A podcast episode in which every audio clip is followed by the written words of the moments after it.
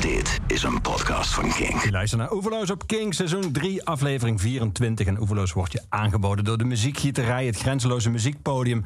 En mijn gast vandaag in Oeverloos is schrijver Sophie Lakmaker. Sophie, van harte welkom. Dankjewel. We gaan het hebben over, we gaan praten naar aanleiding van jouw eh, roman De geschiedenis van mijn seksualiteit. En we gaan het uitgebreid hebben over muziek. Muziek die jij tof vindt, muziek die iets voor jou betekent, om welke reden dan ook.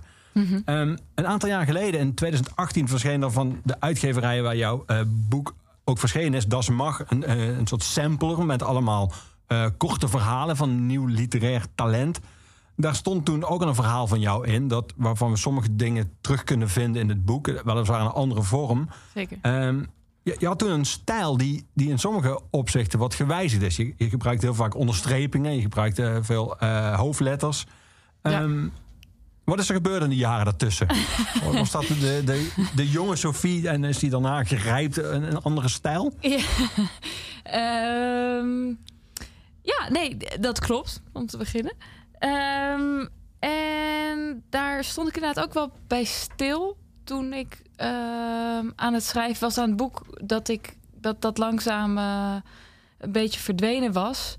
Maar dat, ja, uh, want ik heb natuurlijk tussen dat korte verhaal en het boek is nagenoeg niks uitgekomen. Hooguit een paar kolompjes bij de, bij de groene. Uh, maar in, daartussen heb ik natuurlijk enorm veel ge, gerommeld, zeg maar. Voordat er zoiets komt wat, ja. wat, wat af is en het daglicht kan zien. En in dat gerommel leek het denk ik nog wel behoorlijk. Die stijl met, met die, in ieder geval die interpunctie op het korte verhaal. Maar ja, uh, het is ook, het is, ja, als je het dus hebt over die onderstrepingen, bepaalde cursus, ja, die cursivering zit natuurlijk tot op zekere hoogte in. Maar ja. dit heeft iets heel dwingends. En uh, dat verhaal, dat korte verhaal was denk ik 5000 woorden. Dit zijn 60.000 woorden. Je moet wel doseren natuurlijk. Ja. En uh, alsnog heb ik die kritiek wel gekregen dat het soms te, ja, de, de, de, de, de verteller zeg maar met iets te veel kracht trekt aan de lezer en, en, en vraagt: uh, let je wel op. uh, maar dus, dus ik heb er niet per se spijt van dat ik niet, dat ik niet nog meer, uh, ja, hoe zeg je dat, in de strijd heb gegooid om die aandacht erbij te houden met de vetgedrukte ongein. Dat ja. Want je noemt dat gerommel, maar dat, dat, ja. dat waren allemaal uiteindelijk aanzetten tot dit verhaal? Of waren dat ook uh, hele andere dingen die, die voor je halverwege dacht: nee, dit gaat, niet, dit gaat hem niet worden of het gaat niet werken? Of uh, welke kanten ben je allemaal opgeschoten in die twee jaar? Ja, uh, nou, ik denk, ik denk dat veel wel een, een opmaat was voor dit boek. Um, en ook bijvoorbeeld rond de tijd dat mijn moeder overleed, toen heb ik daar ook heel veel aantekeningen over gemaakt. Dat was bijvoorbeeld niet echt met het. Ik had toen niet voor ogen dat dat überhaupt in het boek uh, terecht zou komen. Omdat ik eigenlijk al een beeld had van wat ik wou schrijven voordat ze overleed. Dus daar zat haar dood natuurlijk niet in. Maar um, dat was meer. Ik dacht, dit, dit gebeurt nu. En, en je, ja. Ik denk, denk dat dat er meer mee te maken had dat je dus zo'n groot iemand in je leven, daar maar ook onderdeel van je leven verliest. Dat je denkt, wil, je krijgt een soort angst om dingen te verliezen. Dus dan wil je het behouden door het op te schrijven. Ja. Um, maar ik denk dat ja, dus veel wel leiden naar dit boek. En ik heb daarnaast ook nog wel wat dingetjes over voetbal geschreven. Een, een best lang verhaal over voetbal, wat niet verschrikkelijk goed is. Maar ik hoop wel uh, dat dat op een gegeven moment. In ieder geval, mijn idee is dus dat dat het volgend uh, dat heel goed gaat thema worden. wordt. Ja. ja. Dus, um, dus hopelijk was het gerommel uh, een aanloop naar meer dan alleen één boek. Ja. Je had het net over die toon waarin je dus, de, die sommige mensen uh, kennelijk dwingend vonden. Wat ik zich grappig vind. Dat hij dan blijkbaar vindt dat je een boekje heel dan moet loslaten of zo. Terwijl het lijkt van een boek als dat je niet kan loslaten. Maar je hebt een, een manier van schrijven waar je bijvoorbeeld op pagina 57 zeg je gewoon even tegen mij en tegen iedereen die het leest. Mhm. Mm -hmm. Weet je wat ze zei? En dan ga je vervolgens uh, ga je verder en vertel je dus uh, wat ze zei. En op pagina, het komt vaker voor in een boek, maar komt er een paar die me zijn bijgebleven. Uh, op een gegeven moment ga je gewoon rechtstreeks uitleggen. Ik zal even voorlezen. Het zou kunnen dat sommigen van jullie het chronologische spoor van dit verhaal een beetje bijster beginnen te raken. Ontzettend vervelend lijkt me dat. Daarom leg ik het maar even uit. En dan leg je helemaal uit van het eerste deel zijn we met de tijd meegaan. En het tweede deel gaan we een soort van tijd terug. Mm -hmm. Die vorm, uh, ja, ik, ik vond dat heel, heel erg goed werken. Maar het is wel een hele specifieke vorm die niet denk ik voor iedereen is weggelegd. En niet voor elke schrijver om dat succesvol te doen. Maar ehm, hoe, hoe heb je die ooit gevonden? Want ik kan, in sommige recensies, daar werd als, als groot compliment werd het overigens bedoeld. Eh, ik las dat in, in- op op de literaire website Zoom en ik las dat in Parool. Werd, werd jij, jouw toon vergeleken met iemand die naast je komt zitten in een café en gewoon begint te vertellen. En, Ja, en dat is ja. inderdaad zo'n toon. Zo van, eh, goh, weet je nog die ene keer? En dan komt vervolgens die ene keer heel uitgebreid. maar die heb je ooit moeten vinden, die toon. Ja, klopt, klopt. Eh, ik vind dat? het trouwens ook leuk om te horen hoor, als ze dat zeggen, dat, dat het lijkt alsof er iemand naast je is gaan zitten. Ja, kijk, het is natuurlijk altijd moeilijk, hè, waarom je, eh, ik bedoel, ja, eh, Frenkie de Jong weet ook niet waarom die voetbalt zoals Frenkie. Zonder mezelf te willen vergelijken Nee, met nee, Frenkie de Jong.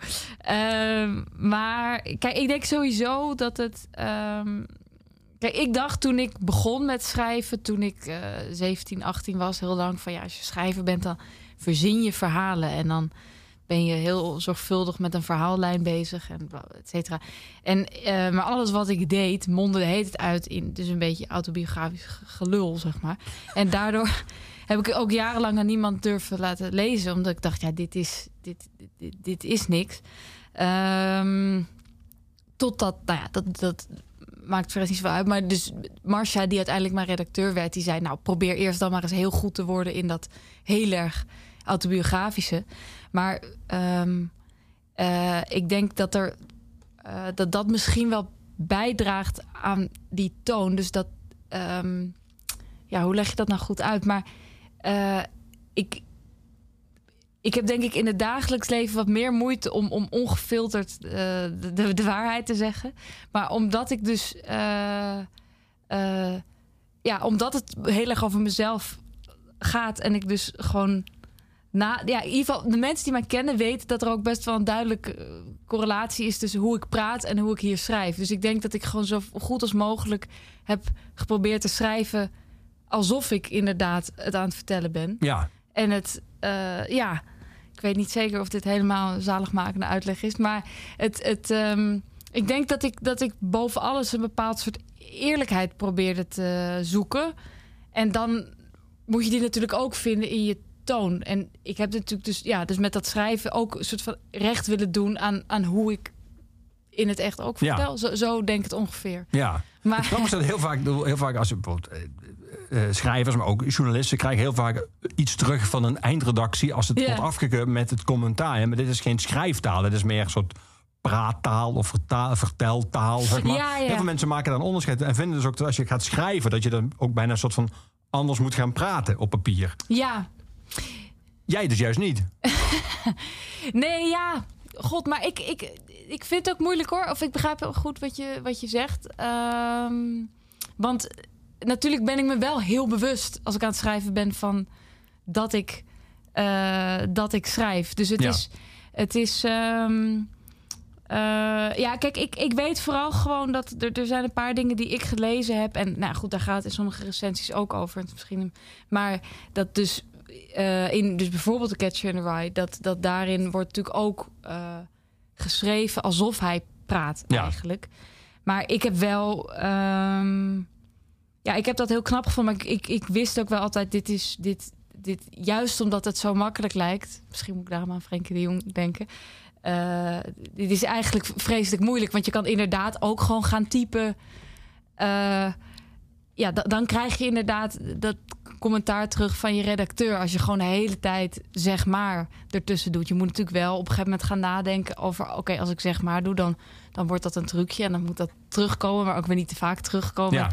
Eh, dus het is... Of weet je, zoals jij doet. Ja, toe. ja, ja, Dus ehm, ik wil dus niet zeggen. Ja, er zat dus ook wel veel moeite in. Het is, het is niet. Je moet, je moet natuurlijk, eh, als je iets heel goed wil namaken, juist heel hard daarvoor je best doen. Zeg maar. Het is niet dat dat dan dus makkelijk is, omdat het toch al de realiteit Nee, nee, lijkt. nee. Zeg maar. Zoals de uitbater van eh Schorum, die bekende barbershop in Rotterdam, Ja. ooit tegen me zei: Weet je hoeveel moeite het kost om er zo nonchalant uit te zien? Precies, ja. Volgens mij heeft Dolly Parton toch ooit gezegd dat it's very expensive to look so cheap of zo. Volgens mij is er ook eentje. Er zijn verschillende varianten Ja, op ja, ja. deze. Maar ik snap wat je bedoelt. Ehm, we gaan het over eh, de geschiedenis van mijn seksualiteit hebben, je roman, Sophie. Maar ook, ik zei het al, over muziek. Mm. Ik, ik heb een lijstje van je gekregen met nummers die op de een of andere manier eh, iets voor je betekenen. Laten we eens beginnen met gewoon meteen de eerste van dat lijstje. Eh, JC. Ja, Had je natuurlijk inmiddels met zijn oeuvre en dat van zijn vrouw samen overigens inmiddels ook. want ze hebben natuurlijk ook samen dingen gedaan. Beyoncé en JC had je aardig wat nummers kunnen uitzoeken. Maar je kwam uit, uit op Marcy Me. Waarom deze?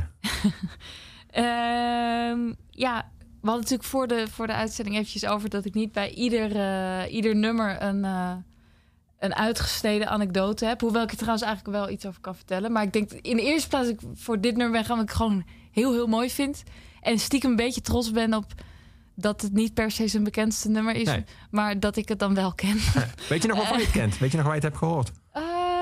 De eerste keer. Of in ieder geval de keer dus nou, ik weet zeker dat ik het niet op Spotify heb gehoord. Want hij- dit was nog in de tijd dat... Of Jay-Z heeft toen zo'n tijdje een eigen streamingdienst proberen te pushen. Ja, eh, die niet helemaal van de grond kwam hij is uiteindelijk. natuurlijk ook zakenman. Ja, Ja. zeker een zaak. man. Was jij zo eh, fan van hem dat je ook lid was van zijn eigen streamingdienst? Nee, nee, ik heb, ik heb het overwogen. Ehm, maar ik heb het eigenlijk wel... eh, Wat, wat minstens zo'n ehm, lucratieve optie was voor hem. Nee, de, de plaat gekocht. Ja. Dus dat die... Nou, Ehm, nee, maar ja, ik, ik moet eerlijk zeggen... ik denk dat ik het gewoon op YouTube... eh, want er zit ook nog eens een, een heel goede clip bij. Ik denk dat ik er zo... eh, ja, de- de- kijk, het is dus van het album eh 4.44. Ja. En The Story of OJ is denk ik het bekendste nummer. Of Ja. van de bekendste. Dus, en, en daar zat ook wel een heel prikkelende clip bij. Dus ik, denk dat ik, dat ik dat meekreeg van iemand... dat ik toen langzaam op dit nummer stuitte. Zoals eh, we allemaal wel eens doen op het internet. Maar ehm, nee, ja, ik wil je het eerst laten horen... of zal ik er nog wat over vertellen? Eh, wat jij wil. Oké. Je bent nu toch lekker bezig. Vertel Ja. maar eerst. Nou, ja. Ja, ik, ik weet, ik vind dus, oké, ik vind het sowieso. eh, ik was al langer Jay-Z-fan en gewoon de Black Album en, en, en, en allerlei eh, muziek van hem. Maar ik vond dit dus wel, ja, toch veel, veel indruk maken. Ik dacht toch een beetje dat Jay-Z op, op zijn retour was. Misschien niet als zakenman, maar wel als muzikant. En toen kwam dit met dus eh, liedjes over, over ontrouw en de spijt die hij daarvan heeft. En gewoon überhaupt hij, hoe hij als, als, als mens probeert te helen. En eh, ja, eh, dat, dat vond ik heel erg fascinerend. Dat je zeg maar, op een gegeven moment dan zo'n machtige positie hebt binnen de hip-hop. Dat je een soort van het grootste wapen binnen de hip-hop, namelijk een bepaald soort woede. eh, kan loslaten en, en op een best wel integere manier naar jezelf kan kijken. Dus dat ik vond het hele album al heel indrukwekkend. En ik vond, ja, dit nummer raakte me heel erg. En de, ja, eh, zo erg dat ik dus op een gegeven moment... Ik heb volgens mij drie tatoeageplannen gehad. eh naar aanleiding van het nummer. Er zit nog steeds niets... eh, tot opluchting van mijn vriendin... uiteindelijk op mijn lijf hiervan. Een, Ehm, een, tekst uitsneden? ja. of, of, een, iets, Ja. iets grafisch? Nee, nee, nee. Je had verschillende zinnen. Maar in ieder geval, wat er uiteindelijk overbleef, was het plan om Assume Virtue op me te. Wat eigenlijk van Shakespeare is, natuurlijk. Maar eh, ik, ik vond. Ja, op, binnen Shakespeare wordt het natuurlijk weer anders bedoeld. Maar hij, als ik het goed begrijp, bedoelt het. eh, als eh, van, want hij heeft het dus, hij komt uit de Marcy, het nummer heet Marcy Me. Hij komt uit de Marcy Project in New York. Ja. En het gaat over ja, iets meer durven dromen dan er door een ander eigenlijk voor jou is weggelegd.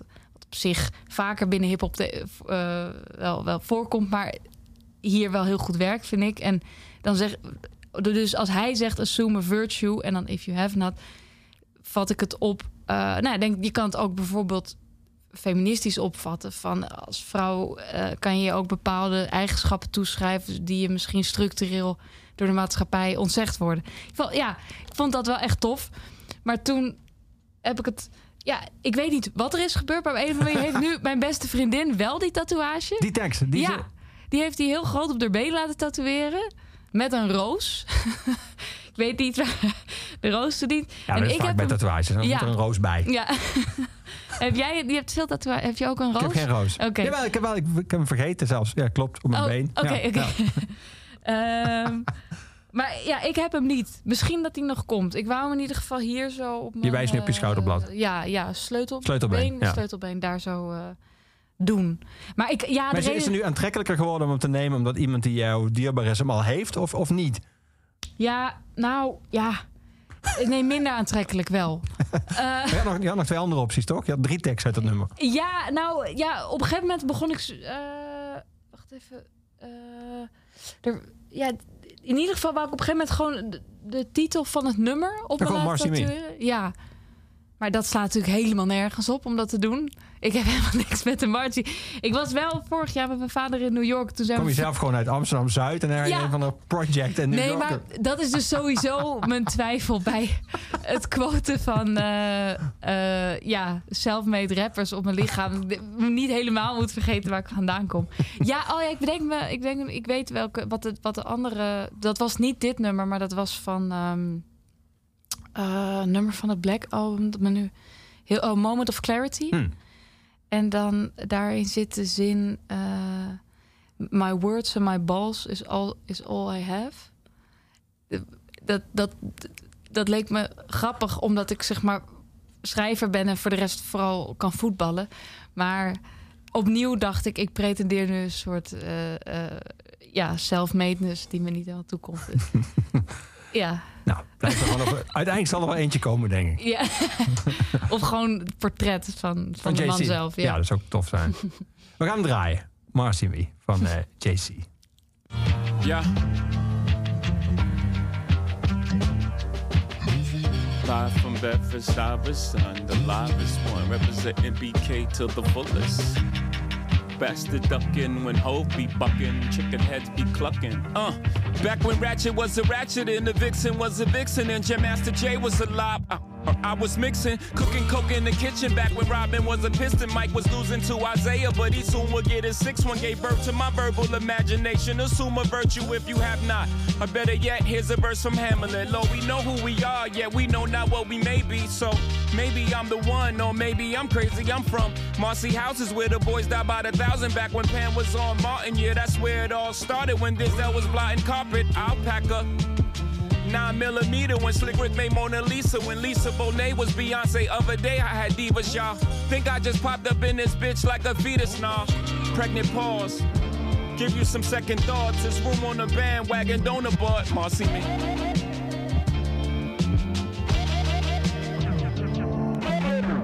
Marcy me. Streets is my arteries. Vein of my existence, I'm the Gotham City heartbeat. I started in lobbies now.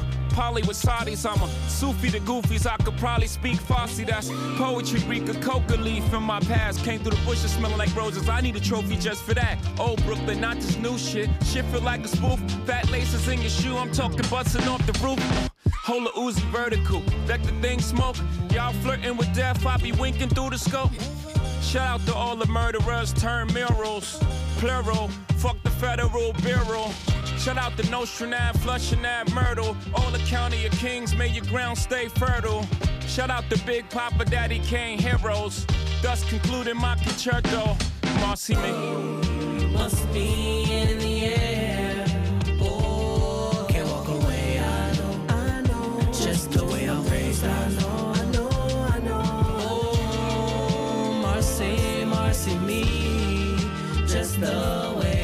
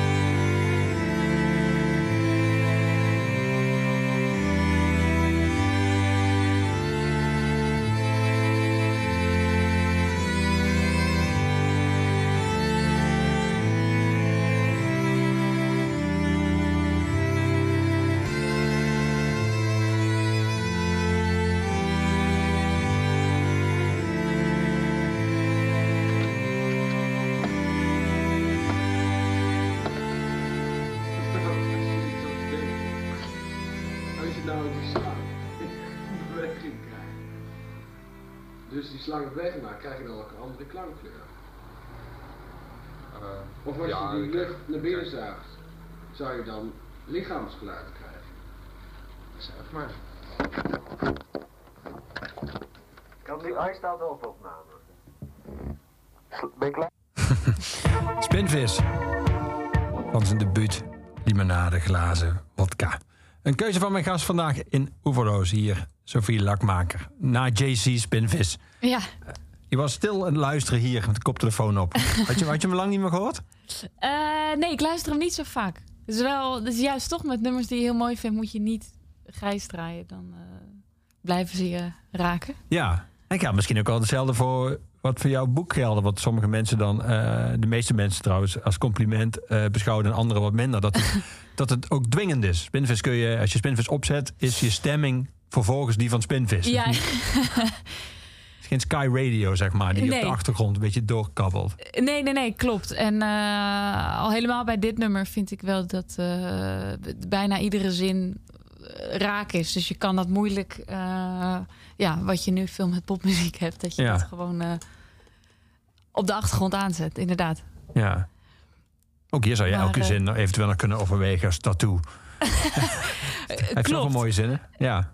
Maar ehm, nee, ja, ik ehm, dat had ik trouwens nog helemaal niet gezegd, maar ik, ik weet eigenlijk helemaal niets van muziek. Dat, dat, maar los daarvan vind ik gewoon alles goed, zeg maar, dus in mijn bescheiden mening eh, aan dit nummer. Ja. Eh, en dan vooral, ja, ik, ik ben dus misschien iemand, of dat dat grapje zit trouwens, er zit een grapje over in mijn boek, maar dat ik heel erg op de tekst let, eh, dat ik daarom niet goed kan dansen, de maat vergeet. Maar eh, ja, wat ik dan, wat ik textueel heel knap vind hier, is dat hij, hij vertelt dus over een vriend die zelfmoord heeft gepleegd. Ehm, maar ik, ik, ik, ja, wat ik denk heel sterk vind, is dat hij dus hij vertelt dan eerst gewoon over die vriend en vervolgens over het moment dat hij hoort dat hij dood is en de begrafenis. Maar dat dat, ehm, eh, ja, al, al die dingen zijn opgebouwd uit heel specifieke details. En eh, ja, dat, dat lijkt me gewoon vaak eh, de kunst om iets over te brengen. Is het natuurlijk altijd eh, belangrijk om niet te veel in het algemene te gaan zitten. Van ja, je was echt een belangrijk iemand voor me. Maar ju- juist in die gekke tastbaarheden Ja, te gaan zitten. Dus en ik vind dat dat ontzettend goed werkt hier. zeker. Dus dat- ja. ja. Over eh wodka gesproken. Hoe is, jouw, hoe is jouw Russisch inmiddels? Deze, deze dagen. Eh, heel slecht. Ja? Ik wou net, ik wou zeggen slecht in het Russisch, maar ik weet niet eens meer wat dat is. Oké, dat is het echt heel beroerd. Ja. Ja. Plagoy of zo. Nou, ik weet alleen Garasho is, eh, is goed, maar ook dat zal ik verkeerd uit. Nee, nee, dat is, ja, dat is heel gek. Ehm, maar als je dat niet, ja, ik deed dat kort en intensief, maar als je dat daar niet meer, ja, je komt niet ontzettend veel Russisch tegen. Je- dus Nee. ja, dan kan je het gewoon niet meer. Nee, want je hebt het gestudeerd, daar eh, refereer je ook aan in je roman. Eh, je zegt erover, dat raad ik echt niemand aan. Dan heb je het dus over Russisch studeren. Ja, Ik zal jullie later nog wel het een en ander over vertellen. Maar voor nu gewoon niet doen. Echt nooit doen, Russisch studeren. Het is een soort landmacht, maar dan voor mensen die liever niet van hun stoel afkomen. En vervolgens leg je later in de roman uit dat je het wilde doen. De reden dat ik Russisch wilde studeren was dat ik graag vertaler wilde worden. Ik vond dat echt een prachtig beroep. Wat ik toen nog niet wist, was dat die mensen dus echt ontzettend weinig geld verdienen. Ehm, dan heb je daar even toen je dat, ik kan me voorstellen dat het niet echt motiverend werkte. Toen je erachter kwam, maar had je, bleek je ook minder met de taal of de, misschien zelfs het land of de cultuur te hebben dat je, dat je vermoedde toen je begon? Ehm, nou ja, ik heb nooit iets met het land gehad en ik was dat ook niet echt Van plan? voornemens. ja, Eh, nee, ja, dat, dat had ik wel denk ik onderschat dat dat demotiverend zou werken voor de studie. Ehm, ja, ik, ik wilde gewoon heel graag die taal eh, onder de knie krijgen en daar dan iets mee kunnen. Maar ik had niet eens het verlangen om überhaupt ooit Rusland te bezoeken. Ehm, dus dat verlangen werd ook niet daarna heel erg versterkt. Dus door de studiereis die ik er naartoe heb ondernomen, Nee. waar ik het eh, ook Ja. in het boek over heb. Ja. Ehm, maar nee, en het, en, het, en het zorgde soms ook wel voor een kloof tussen mij en mijn medestudenten, die dus wel heel erg iets hadden met Want die die waren cultuur. eh, zeg maar russofiel of hoe noem je dat? In Ja. ieder geval heel erg. Ja, sowieso. Sowieso eh, bleek iedereen gewoon half... Die hele studie leek ingesteld te zijn op mensen die al stiekem drie talencursussen hadden gedaan. Dat was echt van een waanzinnig niveau. Ik was een van de weinige mensen die gewoon ja, Nederlands kon. En that's it, toen ik daar begon. Ja, je had ook één docent geschreven die dacht dat dat een soort statement was dat je Nederlands sprak. Ja, ja, ja, die, ja, die wilde na een week ongeveer dat wij dan een small talk eh, begonnen te houden in een, in een taal waarvan ik nog niet eens het schrift eh, onder de knie had. Dus dat, ja, Wat, Nee, heel, dat wat heel smal. ja, Ja. Eh, ja, inderdaad. Nee, het was wel, wel, wel een pittig. eh pittig. Nou, ik heb dus ik heb daarna nog twee studies gedaan. Het, het, het, het, maakt je wel dankbaar of voor de. de ehm, ja, dit, dit is zo. eh, het is een beetje alsof je op de toekomst begint bij, bij Ajax en dan daarna. eh, pas het amateurvoetbal toetreedt. Zeg maar alles is wel best wel low-key daarna. Ja. Ja, ik ben echt wel, je houdt echt van voetbalmetaforen. Ik, ik ben altijd bang, want ik weet echt niks van voetbal. Je Oh, oh. met een metafoor waar ik niets van begrijp. en Ik denk dan, eh, een kale man met tatoeages. Ja, die, moet die weet wat. Ja, nee, helemaal niets. oké. nee. Maar misschien kun je nog heel veel leren. Dat zou ook kunnen natuurlijk. ja. Want daarna ben je literatuurwetenschappen gaan studeren. D- Daar schrijf je heel grappig over dat eh weather, rather een soort favoriete begin was van iedere... Want iedereen sprak de Engels. Dat, dat was mij, ja. mij een verrassing. Ik moet, moet wel Uiteindelijk zeggen. een beetje overdreven, neem ik aan. ja, maar- ja, ja. ja.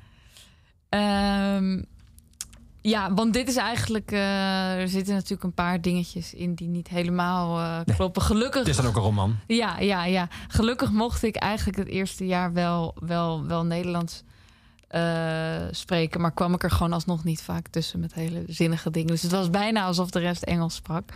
Maar. eh, nee, en later hebben we nog een vak literatuurwetenschap gedaan. En daar sprak wel iedereen Engels. En dat was helemaal. Daar moest ik toen een presentatie geven. Dat was Ja. enigszins traumatiserend. Maar is dat voor je, eh, zeg maar, mm, voor schrijfzin, eh, werkt dat goed, literatuurwetenschap? Of is dat juist, ga je daar juist, krijg je daar juist minder zin van om zelf te schrijven? Dat je misschien bewust wordt van de kwaliteit van anderen, of dat je misschien te veel erover gaat nadenken überhaupt? Of hoe, hoe werkt dat op je schrijflust? Zeg maar, Ja, goede vraag. Ja, nou ja, kijk, ik kan natuurlijk alleen voor mezelf eh, spreken. En zelf weet ik wel dat, het, dat, het, dat ik er niet meer zin van kreeg... of om te lezen of om te schrijven. Ook niet om te lezen zelfs. Nee, ja, want je moest allemaal boeken verplicht lezen... en daar dan... eh, eh, ja, wat ik ook met muziek heb... ik bedoel, ik vind het gewoon mooi of niet. Maar... op, op een of andere manier, eh, ja, ik word er gewoon een beetje akelig van het moment dat je het moet gaan uitleggen of gaan onderbouwen. Ehm, dus, dus mocht ik het boek mooi vinden, dan wilde ik het er niet over hebben. En als ik het niet mooi vond, dan wilde ik het niet eens lezen. Dus dat was niet echt een heel vruchtbare eh, eh, uitgangspunt voor, voor die studie. En, en daarnaast, zeg maar, bijvoorbeeld waar we het net over hadden met van waarom schrijf je zoals je schrijft. Ik vraag me inderdaad soms wel af of het het beste is. Ehm, kijk, bijvoorbeeld bij films vind ik best wel leuk om daarover na te denken van, oh, dat, dat werkt omdat die scènes dus en zo is. Maar ik merk toch bij mijn eigen schrijf dat ik graag vanuit mijn intuïtie blijf opereren. En dan is zo'n studie kan ook wel funest zijn, want alles wordt ontleed. Ja. Ehm, en, en dan ook nog wel. Ja, ik bedoel, eh, in het laatste stadium van die, die studie zal je dat nog een beetje op eigen kracht mogen doen. Maar op een gegeven moment, in eerste instantie, wordt toch gewoon door een leraar verteld hoe je iets moet op. Ja, eh, geen kwaad woord over. want Ik heb wel heel veel leuke docenten daar gehad, die heel slimme mensen. Maar eh, ja, ik denk dat het niet voor niets was dat ik na een jaar daar ook weer mee ophield. ja. En filosofie ging studeren. Ja, ja. Ehm, tussen allemaal eenzame mensen en soms een beetje gek. Zoals je Ja. je medestudenten typeert. Ehm, maar wel een studie volgens mij waar je, die je met plezier hebt gedaan uiteindelijk. Zeker, ja, Ja. ja. Ik wil ook eigenlijk nog steeds een master doen. Ehm, maar dat, dat, dat laat nog even op zich wachten. Maar ik, ik vond het zeker... eh, dat vond ik hartstikke leuk. Ja. welke, is- is- welke filosoof vind jij dat wij allemaal minstens meer van zouden moeten lezen dan alleen maar één quote op een inspirational quote pagina op internet? Ehm, nou, waar ik, wie ik ook kort noem in het boek... is eh, de, de Duitser Theodor Adorno. En die eh, heeft overigens heel veel over muziek geschreven. Ehm, ook wel een beetje gekke dingen. Heel erg eh, kritisch over jazz. Laat staan het, het nog meer commerciële dan dat.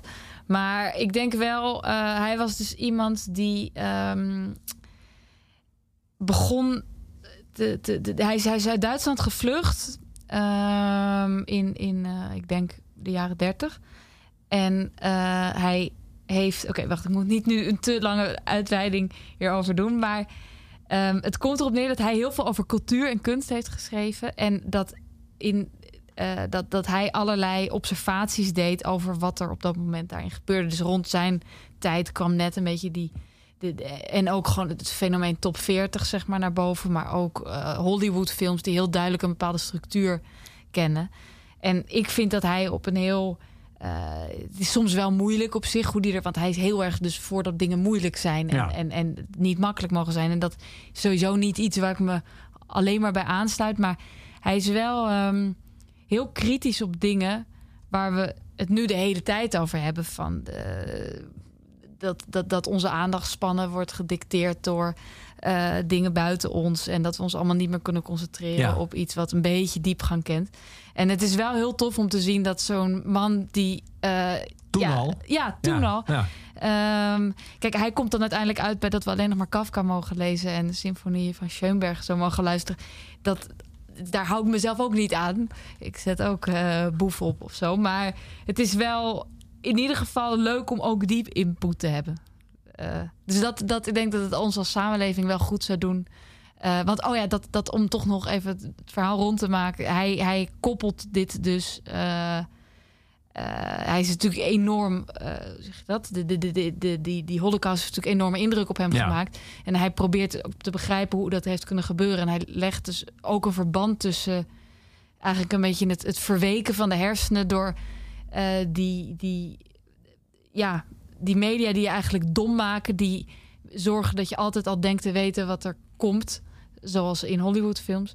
En eh, dus dat mensen door dat soort eh, eh, muziek, film, et cetera, minder voor zichzelf kunnen nadenken, minder kritisch worden en dus vatbaarder worden voor totalitaire systemen. Dus Slechte muziek leidt tot fascisme. ja, Ja, Precies. Dat... en dan was dat voor hem zelfs jazz. Dus Ja, moet je je dus- voorstellen. ja. Eh, Is dat raar als je zelf filosofie hebt gestudeerd? Of is dat een merkwaardige gewaarwording? Dat, dat iedereen heeft tegenwoordig zijn eigen filosofie. Bedrijven hebben een bedrijfsfilosofie.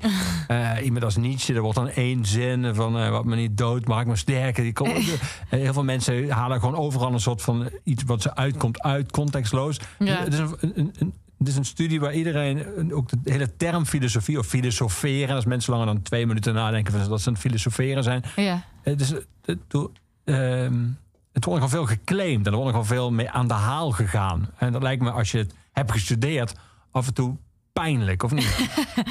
Ehm, ja, maar ik voel me denk ik niet zo. eh, ik, ik, ja, ik zou mezelf, voor- stel voor ik had geschiedenis gestudeerd, dan zou ik misschien nog wel of net over mijn lippen krijgen dat ik historicus of zo of historica zijn. Maar ik noem mezelf inderdaad ook geen filos. Zeg maar, ik probeer dat woord inderdaad om die reden überhaupt een beetje te, te, Ja. te vermijden. En eh, mensen hebben er ook vaak de vreemdste voorstellingen bij. Als je zegt dat je dat studeert, dat er gewoon geen lesstof is, maar dat mensen gewoon. Als je allemaal pijp roken naar het raam kijken. Ja, ja, ja. ja. Eh, en ik, ik vond dat denk ik het leukste aan die, aan die studie. Dat het juist een beetje eh, streng is en, en nuchter. Juist van we gaan het nu over deze pagina hebben en niet over de volgende. En ja, juist het tegenovergestelde van wat mensen inderdaad vaak associëren bij filosofie. Dat het overal maar over kan gaan, om, om, omdat het eh, aan iets abstracts raakt of zo. ja, ja. Ja. We gaan muziek draaien. Ja. We, gaan, eh, we gaan naar Arcade Fire met Oh, eh, Some ja. Other Place. Samen met Owen Pellet. Waarom, waarom deze? Nou, eh, daar Nou. kan ik wel een concreet verhaal vertellen. Namelijk, hier heb ik mijn hele boek opgeschreven. Pardon? je hebt die op repeat gezet. Ja, die is ook in mijn eh, iTunes. Want dit nummer stond. eh, het, is, het staat nu net op Spotify, maar het stond nooit op, op Spotify. Eh, er staat ook iets van 8000 keer afgespeeld of zo. Weet je wel, kan je dat Ja, ja. als kolom aanvinken.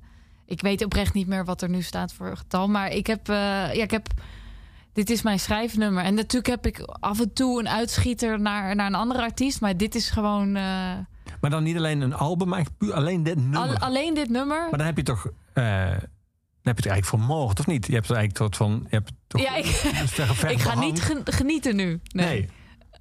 maar voel je überhaupt nog iets? Is het een soort van behang geworden? Of is het, is dit een soort van, zoals sommige mensen... een soort Pavlov-achtige reactie hebben bij muziek... waar ze bijvoorbeeld op sporten en ze horen dat nummer... dat ze meteen beginnen te bewegen? Is het dat? Kom je daar meteen in een soort werkmodus als je dit hoort? Of, of Eh, nou, ik denk dat het op zich wel een leuk e- experiment is wat we dus nu gaan doen. Want dit is voor het eerst dat ik het weer buiten eh, werksfeer hoor. dus het eerst dat je het hoort zonder dat je iets moet? Ja, ik heb het ooit, want het is de, de muziek, de filmmuziek van de film Her. Ja. Eh, dus daarin heb ik het altijd voor het eerst gehoord. Maar eh, ik heb denk ik, dus toen ik, net even wat ik zei van ik rond mijn 17e, 18e een beetje begon te schrijven. Toen zag ik die film. Toen begon het al voor mijn schrijfnummer te worden. Dus Ja, ja. moet je voorstellen, ik, ik denk ik tienduizenden keren Ja, ja. heb gehoord. Wauw. Nou, er ligt toevallig een stukje papier voor. Ik heb hier een pen liggen in de midden. Dus als ik dacht, zit je naar die pen rijdt, dan weet ik dat dat nog Ja, gebeuren is. We gaan nog luisteren. Arcade Oh, ja, Fire. Ja,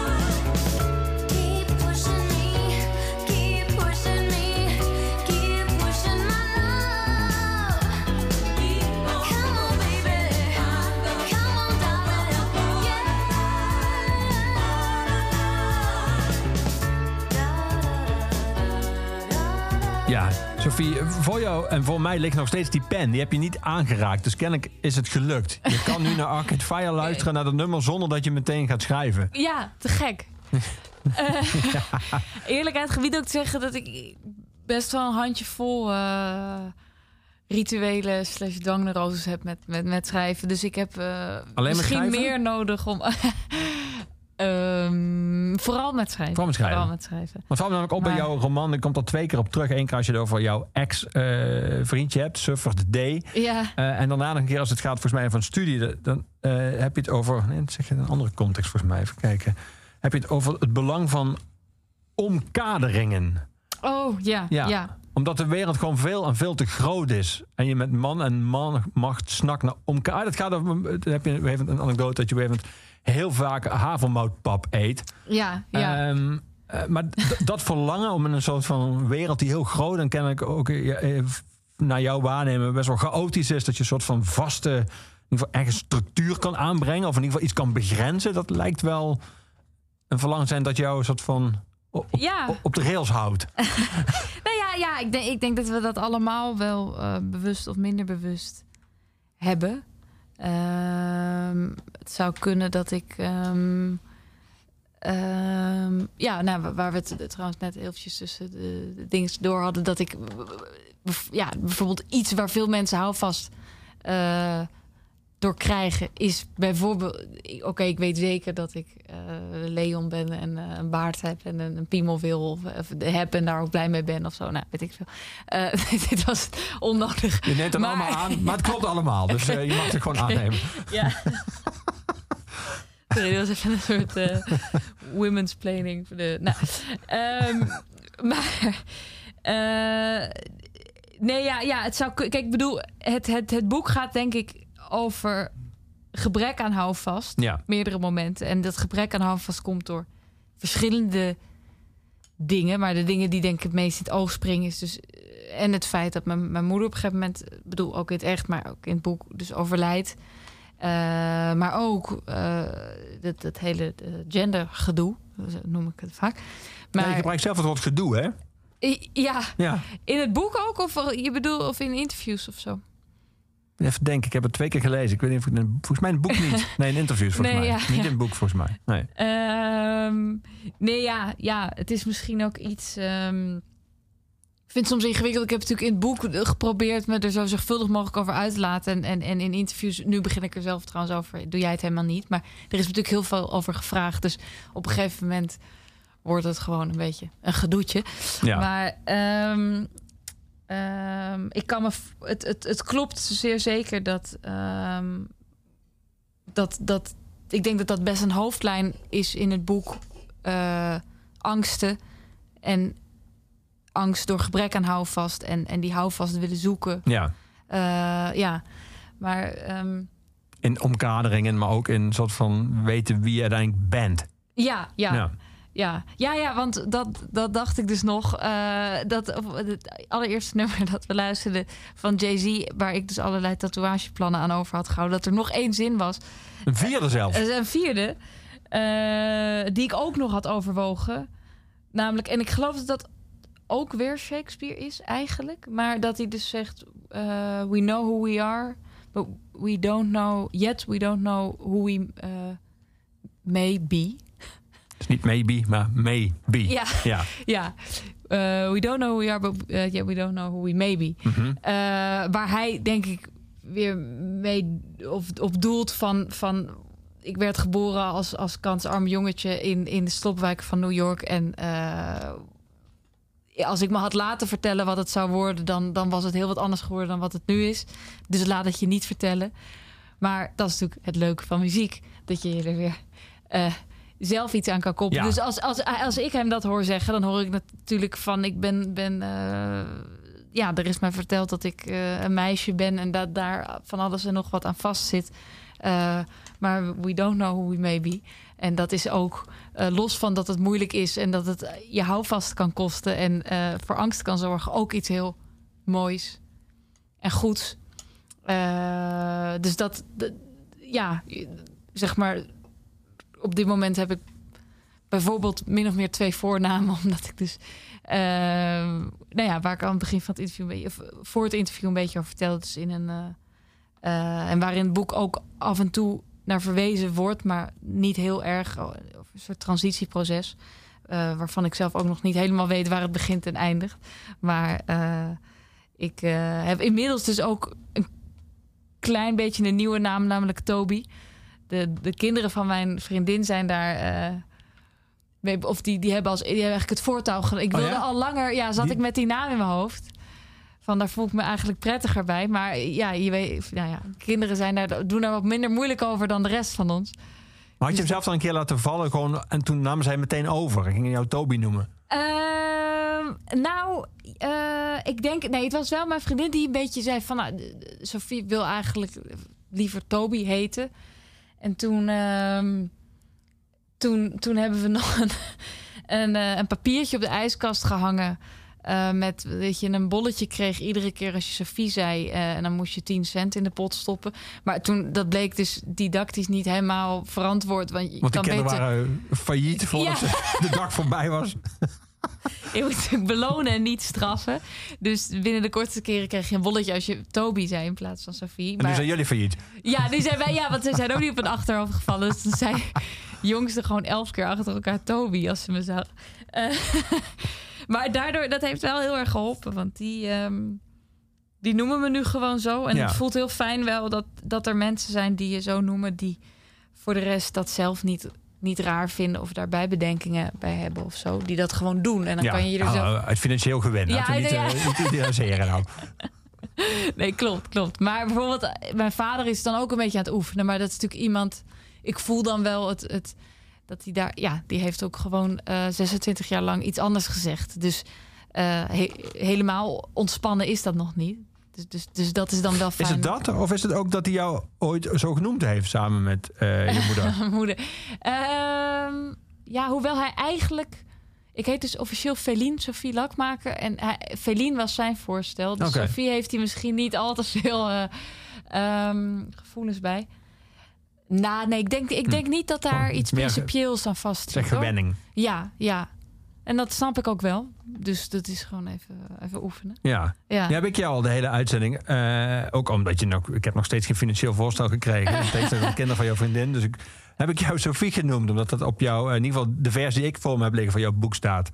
Ehm, Ja. Uiteraard ben ik meteen bereid dat eh, nog halverwege de uitzending te veranderen. Maar wat is je, inmiddels jouw verhouding met die naam? Eh, Sophie? Ja. Eh, Ja. ik wil met de naam Ja. Sophie. Ik wil niet nog een keer te Ja, ja. benauwen. Ja. En dan loop je nou te fokken. Eh, eh, wat mijn ja, ja, nou ja, goede vraag. Ik, ehm, wat, ik, wat ik merk is, ik heet ja, officieel, dus behalve dat ik officieel Feline heet, heet ik officieel ook Sophie met PH.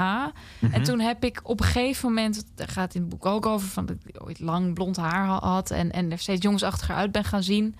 Eh, toen heb ik ergens in die jaren eh, besloten van ik wil niet meer met PH, maar met een F. En ik merkte dat ik, dat was gewoon een soort intuïtief iets. En na een paar maanden dat ik echt eh, er een beetje naar van werd als mensen het nog met PH spelden. Omdat dat voor mij dus een, een, een, een associatie opwekte met dat lange haar en een uiterlijk en een soort identiteit die me niet schikt. En merk wel dat dat nu minder is. Zeg maar, ik had eigenlijk gedacht vanaf het moment dat ik Toby coin, word ik eh, echt niet goed van de naam Sophie. En ik ehm, ja, merk toch bijvoorbeeld veel vrienden van mij die noemen me dan Sof. En dat het voelt eigenlijk gewoon best wel oké. En dan, dan wil ik daar ook wel eerlijk over zijn.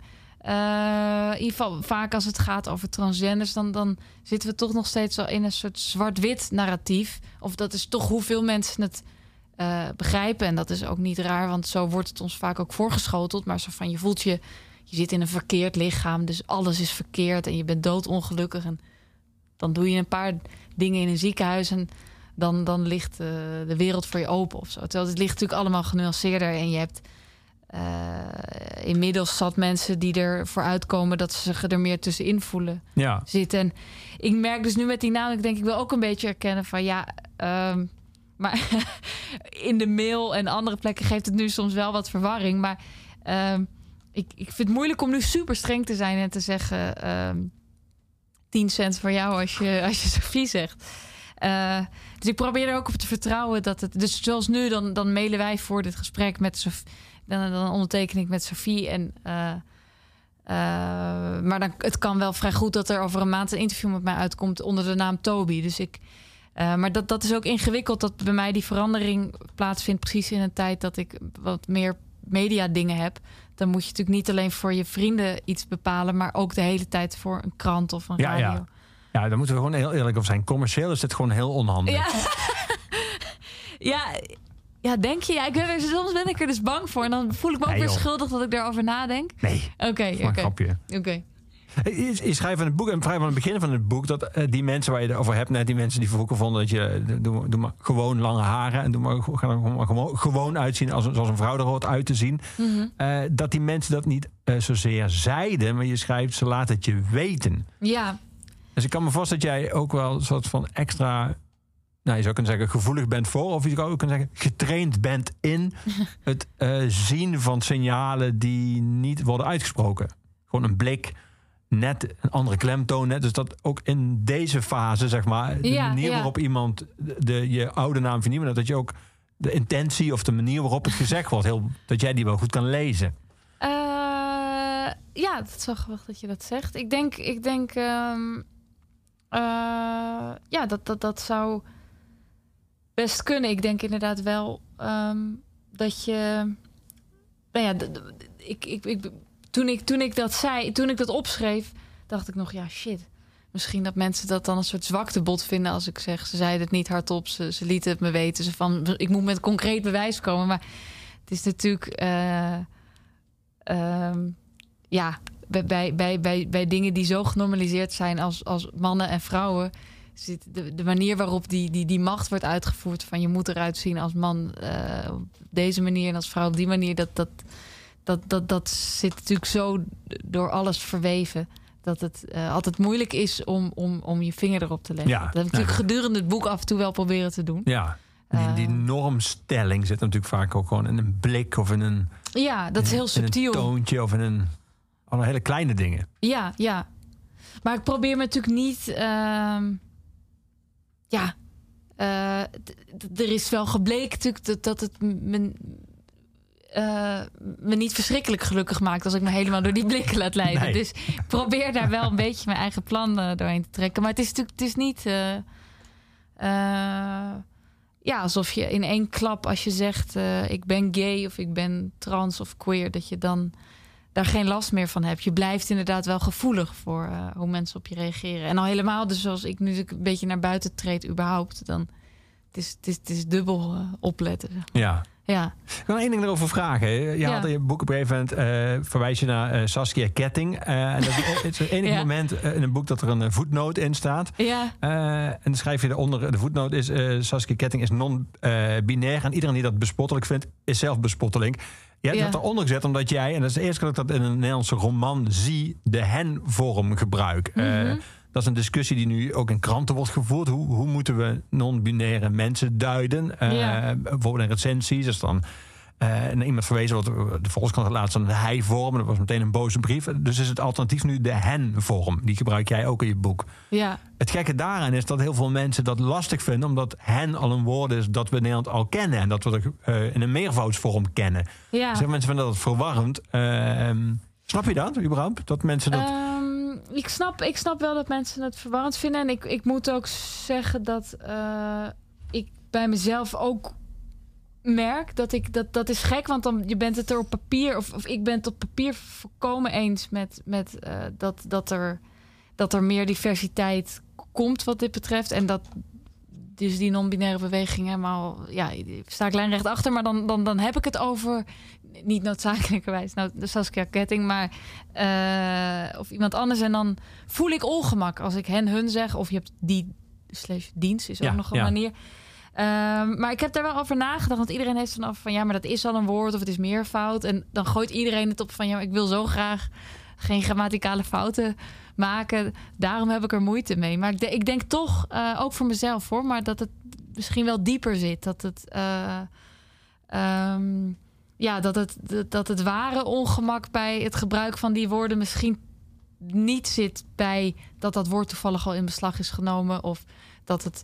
eh, maar ja, dat we gewoon moeite hebben met dat. eh, ja, wat ik net zeg, een van de duidelijkste verschillen die er altijd zijn geweest. eh, nu. Grappig dat je dat zegt. Want, maar goed, dat is misschien ook zoals je zelf nooit een racist vindt. en dat Ja. misschien onge- ongewild toch racistische ideeën hebt. Geldt dat misschien hiervoor ook. Ik heb zelf het gevoel dat mijn moeite daarmee echt puur, laat ik zeggen, grammaticaal is. En niet Ja. ideologisch of moreel of wat dan ook. Eh, maar dan zou je eigenlijk pas achter kunnen komen als je een nieuw woord bedenkt. En als je daar dan nog moeite mee hebt, dan had je dus kennelijk een andere moeite. Ik Ja. heb het zelf echt het gevoel dat als we een nieuw woord zouden bedenken, dat niet al bestaande is en dan een meervoudsvorm Ja. heeft gekend, dat ik die moeite niet heb. Eh, ik zou het dan als experiment zou je. Ik zou niet weten wat dat woord dan moet nee, zijn. ja, ja, maar ik denk dus, ik snap wat je zegt. Alleen ik denk dus, dit, dit gaat misschien, maar dit heb je, er zijn ook filosofen die het hier veel over hebben, maar dat de taal. Kijk, in Nederlands valt het nog natuurlijk wel mee, eh, of in het Nederlands. In, in, in, in het Frans heb je natuurlijk zijn alle woorden van eh, heel erg bepaald of het mannelijk of vrouwelijk is. Of, maar ehm, ik denk dat, dat voor de meeste talen en ook voor het Nederlands geldt dat er toch ehm, dat genderonderscheid, dat, dat zit daarin. Zeg maar, dus dat, dat verschil tussen man en vrouw, dat reikt zo diep dat dat zit ook in de taal. Dus eh, welk woord je voor dat non-binaire ook vindt, ik denk dat het hoe dan ook schuurt met wat er eh, al is. Was, ja. Ja, Ja. dus, maar ik vind het heel interessant hoor, wat je zegt. We moeten het zeker. Maar ik denk dat waar je ook op komt, er komt er iets geks mee. Want je had natuurlijk ook het kunnen doen, maar dan, dan voel je daar weer raar over. Want dat verwijst in principe niet naar iets menselijks. Nou ja, goed. Ga zo maar door. ja. Ehm, Grappig dat je dit nu zegt. Want het denk ik, oké, is onzijdig. Dat klinkt op een of andere manier. Past dat. Voelt, gevoelsmatig past dat beter. Maar als jij dan zegt, het laat nooit op iets menselijks. ja. Het laatste wat je wil is iets nieuws bedenken. wat respectvol bedoeld is. en een soort on- onmenselijk uitpakt. Ja, ja, ja, menselijkheid ontzegt. eh, ja. Ehm, Nou ja, ja. we gaan hem niet bedenken hier, denk ik, in deze uitzending. Nee, nee, nee. We gaan muziek draaien. We gaan iemand eh, draaien, J. Cole. eh, niet van zijn laatste album, eh, dat ook fantastisch was, maar van dat album uit 2014, Forest Hill Drive. Ehm, die jij in jouw roman in één, voor mij niet letterlijk in één zin, maar in ieder geval heel erg dicht op elkaar staan ze, hij en Lil Kleine. Ja. Ik zal niet zeggen hoe durf je, maar hoe kom je erop? Ehm, nou, kijk, ik denk dat ik. Kijk, ik ga er eerlijk over zijn. Ik vind Lil Kleine niet een heel goede rapper. Maar ik vind hem wel een interessant cultureel fenomeen. Ehm, hij heeft dus nu wel zijn vriendin in elkaar geslagen, waardoor ik eh, wel nu mijn bedenkingen bij hem heb. Ik had altijd al een beetje bedenkingen, maar nu nog meer. Ehm, maar ik, ik, Leeuw Kleine zit eerder in dat boek, omdat eh, dan ben ik op een date met een meisje en, en zij zegt dan dat ze veel naar Radiohead luistert. Ja, En, ehm, eh, en ze vertelt trots dat ze veel vrienden heeft. En, en ik antwoord dan dat ik graag naar Leeuw Kleine luister, omdat hij rapt. eh, fok iedereen als je jezelf kan vertrouwen. En die zin zit wel vaak in mijn hoofd. Ehm, ik hoop dat ik een aantal vrienden heb, maar er is een bepaald soort eenzaamheid die hij communiceert en een soort geloof dat succes je kan redden van die eenzaamheid. Zo zal hij het misschien zelf niet formuleren, maar dat, dat Ja. lees ik er toch een Ja. beetje in. Eh, die ik interessant vind en die denk ik ook zich aansloot op het thema van het boek. Dus hij, hij zit er vooral eh, om die reden in. Is niet per se geëerd om zijn muzikale talenten. En dan later gaat het over eh J. Cole. En dan erken ik ook dat ik J. Cole een betere rapper Ja. vind dan Lil Kleine. Ehm, en ja, wat, is dit een voldoende antwoord op je vraag? Ja, nee, ik was heel benieuwd. Ook omdat je Ja. zei het in, een bijzin toen straks dat je af en toe boef draait. Ik was wel benieuwd of bij jou door de thema's waar jij je mee bezighoudt, de manier Ja. waarop je benadert zijn. Als ik, als ik aan boef denk, denk ik aan het woord kech. Denk ik gewoon Ja. aan hoe hij over vrouwen praat. eh, niet zozeer zingt, maar zich in het verleden heeft uitgelaten. Dus hij staat voor mij voor een heel ander universum dan Klopt. jouw universum. Ja, dat is ook een grote tegenstrijdigheid eh, die ik zelf nog niet helemaal heb opgelost. Ehm, kijk, eh, ik denk wat ik deel tot op zekere hoogte met Boef en Lil Klein is een bepaald soort woede. En denk ik ook bijvoorbeeld, Boef heeft dan allerlei vrouw gewoon hele misogyne dingen gezegd. Daar, daar, dat ga ik niet goed praten, maar hij is ook eh, kwaad om, om andere vormen van discriminatie die hem namelijk treffen. Eh, en die woede, dat, dat, dat gevoel, dat, dat zit heel erg in hip-hop. En dat vind ik heel erg in hip-hop. En ik hoop, eh, er komt natuurlijk steeds meer, meer feministische rap. En daar eh, moet ik me ook beter in gaan verdiepen. Maar eh, ik moet soms bij dat gevoel van woede komen. En dan, dan neem ik die kers, zeg maar, Voor voor, lief. lief. Ja. Maar ik, het, het klopt dat het, het staat een beetje op gespannen voet met elkaar. Ik probeer soms echt, ik weet bijvoorbeeld bij Boef, dat, dat album Slaaftekort ken ik zo goed dat ik precies weet wanneer de vrouwenvriendelijke stukjes komen. En dan soms trek ik echt zo één iPod-oortje uit, dat ik bang ben dat het me anders verziekt van binnen. En dan probeer ik gewoon op de rest te letten. Ja. Grappig dat je die woede aanhoudt. Want je schrijft in jouw boek, eh, als je het hebt over de eh, Russisch studeren... en dat je eh, vertalen wilde worden tot je erachter kwam... hoe godsgruwelijk weinig die mensen verdienen. Ja, er zijn maar een paar dingen waarmee je mij om en nabij razend kunt maken. En de bedragen die vertalers ontvangen is daar één van. ja. Tegelijkertijd is woede dus wel degelijk een drijfveer voor jou. Ja, ja, er spelen uiteindelijk wel meer dingen dan alleen de, de, de, de facturen die vertalers kunnen uitsturen. Nee, ja, ik denk dat het hele boek op, op woede drijft. Eh, Ik bedoel, woede en daaronder waarschijnlijk weer verdriet. Maar eh, ik denk op zich dat er ook oprecht verdriet bij Boef onder zit. Dat is gewoon alleen iets niet wat voor hem verkoopt. Of althans, iemand als Jay-Z, dat vind ik dus het Ja. toffe van dat album. Die, die komt daar wel. Ehm, maar die was toen ook al ouder dan Boef nu is. ja, dus Ja. ne- dat, dat- wie, weet, wie weet waar we over 30 jaar staan met, eh, met Boef. Maar ehm, ik, ik ehm, ja, nee, er, er, er, er leeft zeker woede in mij over de onderwerpen waar wij het net over hadden met mannen en vrouwen. Maar waar, eh, je kan ook boos zijn dat je moeder dood is. Dat is heel, dat, dat klinkt dan on- irrationeel, maar ik denk dat dat vaak eh, bij rouw zit ook woede. Ja, Dus dat, ja, ja. Gaan we het dadelijk over hebben. We gaan Ja. eerst muziek draaien. We gaan naar die... eh, niet heel boze rap gaan we nu luisteren. Juist Nee, helemaal niet. Nee, ja. zeker niet. J. Cole gaan we luisteren met Love Yours.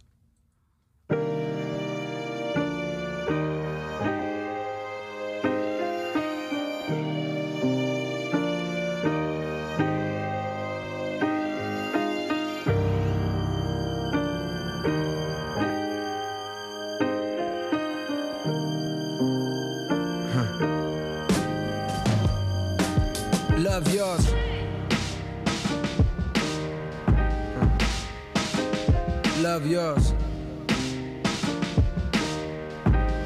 No such thing.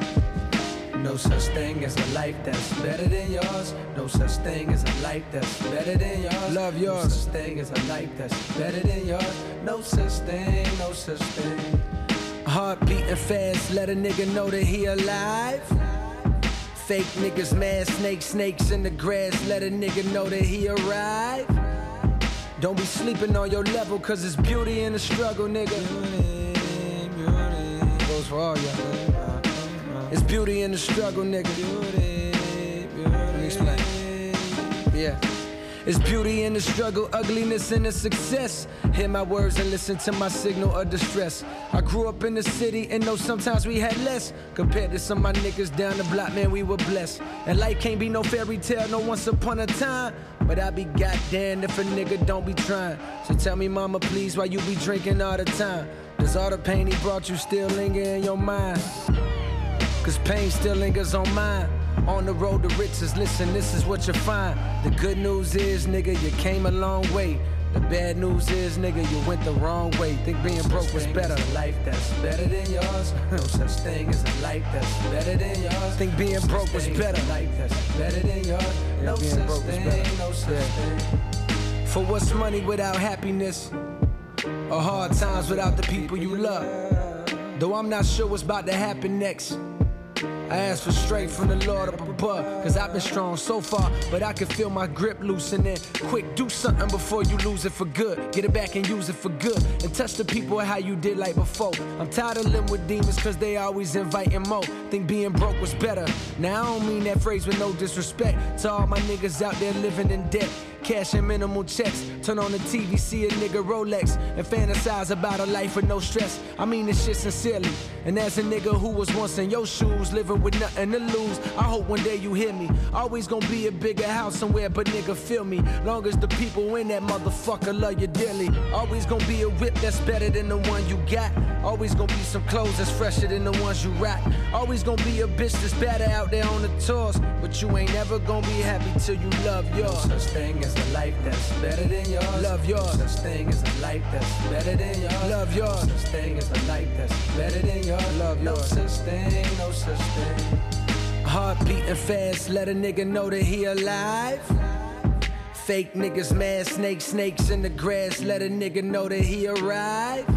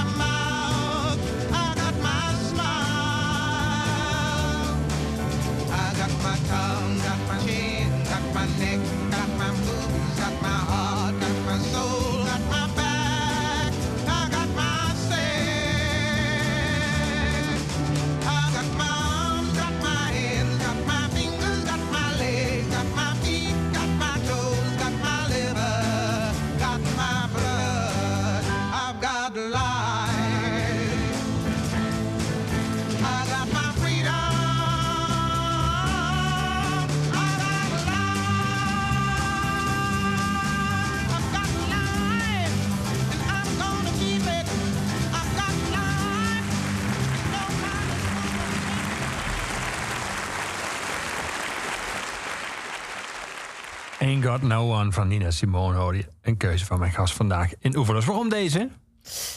je durft mijn naam niet meer te zeggen. Of eh, ik dacht dat je ging zeggen, mijn gast. Dat je toen misschien voor het eerst Toby ging zeggen. Maar toen. Grappig dat je dat zegt. Ik denk inderdaad dat dat meespeelde, ja. Maar is misschien. Het is, wel, het is wel een unicum, toch? Dat de gast tijdens de uitzending van naam verandert. Misschien moeten we dat juist omarmen. Eh, maar waarom deze? Eh, eh, nou, ja. eh, dit is een heel bijzonder nummer voor mij. Ik vind het een prachtig nummer. Dat sowieso. Ik vind wel nog steeds altijd het leukst als ze zingt over wat ze niet heeft. Dan het stukje waarin ze begint over wat ze wel heeft. Ehm, en ik denk dat ik het... Ik hoorde het voor het eerst toen ik de serie eh, Ramses keek. Over Ramses Shaffi. met Maarten Heijmans die hem speelt. Wat ik echt een hele mooie serie vind. En hij gaat dan op een gegeven moment... Ja, die, hij, hij, hij eh, zakt dan steeds verder...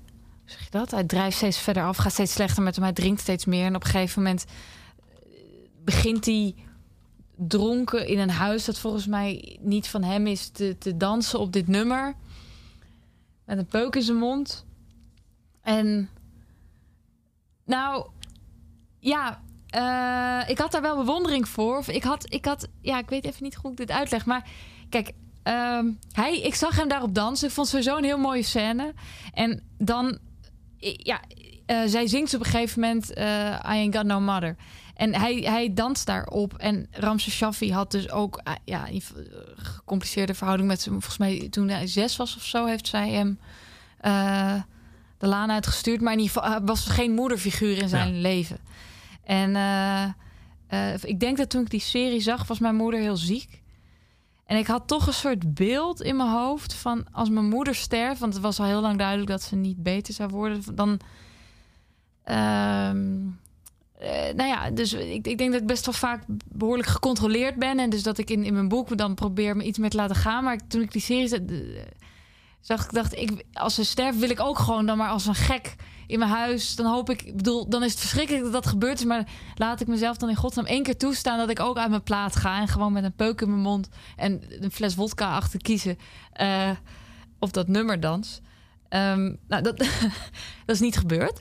Ehm, maar ik heb wel die nacht dat nummer heel veel eh, geluisterd. Ehm, en, en dat is, ik bedoel, ik luister het nummer nog steeds. Het, het is niet één op één alleen maar die gebeurtenis, maar het is wel iets wat, wat voor mij natuurlijk altijd een soort relatie met elkaar Ja. zal houden. Maar het is, het is raar, want ze zingt over van alles wat ze niet heeft, dat ik wel heb. Het, ik, het, is vooral het raakvlak met het gebrek aan de moeder. Maar op, op een, ja, het is gewoon en een heel krachtig nummer. En, en dat ze dat dan zo een beetje te loop zegt: van ik heb al die dingen niet. Oh ja, en ook geen moeder. Dat, eh, ja, het werkt wel. Ja. je schrijft achter, ik bedoel, in het begin van, eh, als je met eh Suffer Day bent, jouw ex, eh, Ja. dan, dan vertel je wel al dat je moeder ziek is, maar dat speelt daarna eigenlijk in de ro- roman helemaal geen rol. En opeens komt het op het eind als een soort van, komt het terug, maar dan ook meteen heel hard in, de roman. En, dan leg je ook uit dat je eigenlijk daarmee wilde beginnen, omdat je, ook omdat je een hele eh fraaie, althans in literair opzicht, eh openingszin had, namelijk op mijn 25e verjaardag heb ik mijn moeder begraven. Die schrijft, zo ging het begin dat ik voor ogen had. En vervolgens schrijf je eigenlijk die eerste alinea... waarmee je ooit hebt overwogen om de roman eh, te laten beginnen. Ehm, Is dat, is, is dat een, een, het werkt als stijlvorm heel goed... eh, om het opeens in je gezicht terug te slaan als lezer? Want je hebt het als lezer namelijk wel al gelezen... maar je bent een soort van vergeten... omdat er na zoveel gebeurd is met jou... en je er niet meer op terug bent gekomen. En Ja. opeens is het er weer. Ehm, maar heb je daadwerkelijk ooit overwogen om je roman daarmee te laten beginnen? Ja, ja, ja, zeker. Ja.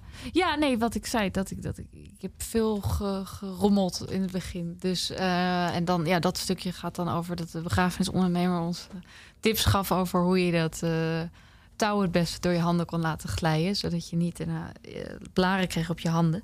Ehm, dat, dat, ehm, ja, er waren natuurlijk. Er, al- kijk, het- het punt is, ja, die dood is heel, heel erg. En ik denk dat ik, eh, dat is wat dat betreft, een link met de schrijfstijl, toch een soort angst heb dat de lezer afdwaalt. Dus ehm, wat dat betreft was het misschien eventjes aanlokkelijk om te beginnen met, met, met Die een, van de ergste. ja. Ja. Maar ehm, ja, ik kan er ook niet heel veel meer over zeggen dat het gewoon niet zo ge- ge- gelopen is. Ik heb namelijk ook dat hele laatste hoofdstuk over mijn moeder, dat had ik geschreven, maar toen dacht ik, ja, cliché, moeder met kanker. Heb ik ook nog gedacht, dat zei ik tegen mijn uitgever van, moeten we het er niet überhaupt uitdoen? Eh terwijl later mensen dan dachten dat ik ja, het hele boek zo gecomponeerd had dat het allemaal. ja, dat in ieder geval, dat is dus ook waarom ik misschien niet een goede student literatuurwetenschap ben. Ik, ik doe tot op zekere hoogte ook maar wat. Oh, en, en wat, misschien doe ik niet zomaar wat, maar doe ik het onbewust. Dus ehm, ik heb dat niet bewust zo geconstrueerd dat ik het eerst subtiel laat vallen en dan. Nee, nee. eh, nee. Dat Ja. is ook grappig, of grappig. dat- Nee, is niet het goede woord. Opmerkelijk dat je, dat je eh, hier zo hard, oh, dat is cliché, moeder met kanker. Terwijl, ja, je kan ook zeggen, cliché, eh, jonge vrouw zoekt naar de liefde. Wel voor twintig jaar zeggen we misschien cliché, genderonderwerp. Ja. eh, eh, cliché, de grote stad en alle sorgens van de. de- de- de- ja, de- Ja. alles is uiteindelijk. Wij zijn allebei, jij en ik, zelfs, zelfs jij en ik en alle mensen die luisteren. We zijn allemaal een clichés. Je je hunkert allemaal naar liefde, je bent bang voor de dood. je zoekt naar vriendschap, je zoekt naar aansluiting, je voelt je eenzaam. Het zijn allemaal onderwerpen die. Ja, En kennelijk bij deze had je dat gevoel zo sterk dat je er niet mee wilde beginnen. Ehm, nee, en dus dat ik het er überhaupt uit wou laten een ja, hele tijd zelfs lang. dat. Ja. Ja. ja, dat komt misschien ook gewoon omdat... ik bedoel, toen ik het boek schreef... eh, was mijn moeder nog, nog, nog niet een jaar overleden. En je wil niet... ehm, het had denk ik ook daarmee te maken met, met een soort voorzichtigheid. eh, eh, ja, ik bedoel, mijn moeder was meer dan iemand die uiteindelijk ziek is geworden en is overleden. En, en ehm, dus misschien ging het daar voor, voor mij ook om dat ik, dat ik dacht dan... Want hoe het er nu staat... ehm, het gaat enkel om de dagen voor overlijden en daarna. Eh, dus het gaat heel erg om haar lijden, maar vooral mijn rouw. Ja. En ook alle gekte daarmee. En, en er zit heel weinig... Ik bedoel, niemand weet wat voor vrouw mijn moeder was. En ik denk dat eh, dat voor mij... Kijk, uiteindelijk heb ik ook wel ingezien dat dat op zich wel werkt. Dat er binnen het boek gewoon niet echt ruimte was om... dan ook nog helemaal uiteen te gaan zetten... wat voor relatie ik met mijn moeder had. Eh, en wat voor type zij was. Maar ehm, het voelde toen denk ik ook een beetje alsof ik eh, nou ja, haar tekort deed. En alsof ik misschien een soort shortcut nam naar... naar kijk, ik ben zielig. eh, er stierf iemand die heel belangrijk was. Ja. Maar Sommige scènes, er zit ook al een soort woede, en je noemt net het woord woede, maar Ja. die zijn dan ook al, ja, in zekere zin, in ieder geval voor mij als lezer, ongetwijfeld voor jou, eh, in ieder geval toen veel minder, of zelfs helemaal niet, tragicomisch. Namelijk het moment dat jouw vader dan, eh, zeg maar, eh, een pak gaat uitzoeken voor de begrafenis. En dat is dan Ja. toevallig dezelfde plek op dezelfde dag waar koning Willem-Alexander zijn pak aan het passen is voor de doorloop. En dan moet jouw vader eigenlijk eens even opzij. En dan gebruik je ook nog het woord stommelen volgens mij als Willem-Alexander. Dat zie ik helemaal voor me. Dat, dat, dat is wel... Ik Ja. of je toen al dacht, dit is literair hoge, dit, dit is fantastisch materiaal, maar het was het wel. Ja, ja, ja, het was dus eh, de begrafenis van mijn moeder was op 29 april. Dus het was voor Koningsdag, Koningsdag, dat, ja. het, het, eh, die toen twee dagen daarvoor was. Ehm, of drie. Ja, ik denk niet dat ik op het moment dat ik het hoorde, dacht: oké, dit is gouden materiaal voor mijn boek. Want het hele boek wa- was er toen nog niet. Maar het is zeker. Ik, ik heb dat ook lachend opgeschreven hoor. Ja, dat zeg snap maar. eh, het is niet alsof ik. eh, bij, bij inderdaad al die tragicomische dingen ehm, zag ik probeerde ik ook meer op het komische te letten tijdens het, Ja. het schrijven. Maar ja, nee, ehm, ik, ehm, ik weet niet wat voor de rest hun in- interactie was. Mijn vader is nogal gesloten man en ik denk dat dacht dat hij een pak ging passen voor de begrafenis van zijn vrouw, dat hij er niet heel veel opener op is geworden. Dus Nee. Ehm, volgens mij was het inderdaad vooral een beetje schuifelen langs elkaar. En eh, was dat het. Maar, Laten we Ramses Shaffi eh, gaan draaien. Want die heb je zojuist al aangehaald. Omdat je zo onder indruk was van die serie ook. Ja, ja. Eh, waarom dit nummer? Waarom we zullen doorgaan?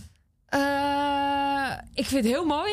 Ik denk altijd... eh, ja, je hebt heel veel versies trouwens. Maar je hebt ook nog een, een- versie met... Die hoef je niet nu heel snel op te zoeken. Maar met een, met een hoorn er doorheen. En dan... Ja, iedereen heeft volgens mij wel eens die ijdele gedachte... dat je over je eigen begrafenis gaat nadenken. Dat iedereen huilt en zo. En Een van mijn beste vrienden is hornist. Oh, die zit trouwens ook nog in het boek. Maar ehm, dan, dan zie ik zo voor me dat hij... Dat, dat, oh, wat erg. Maar dus dat iedereen dan denkt van... Ja, Toby is dood, maar we zullen doorgaan. En dat hij dan eh, heel mooi op zijn hoorn speelt. Nou, als je nu luistert, dan weet je wat om te doen staat. Ja.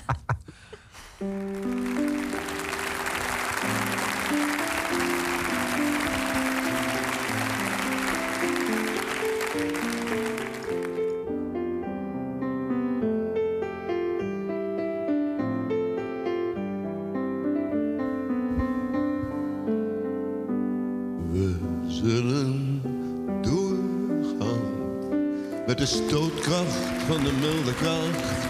Om door te gaan in een sprakeloze nacht.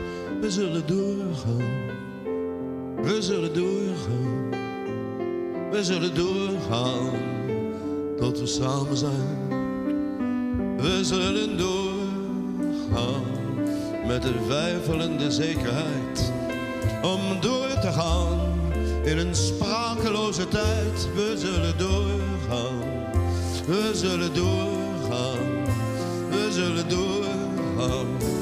Tot we samen zijn. We zullen doorgaan. Met het zweet op ons gezicht om alleen door te gaan.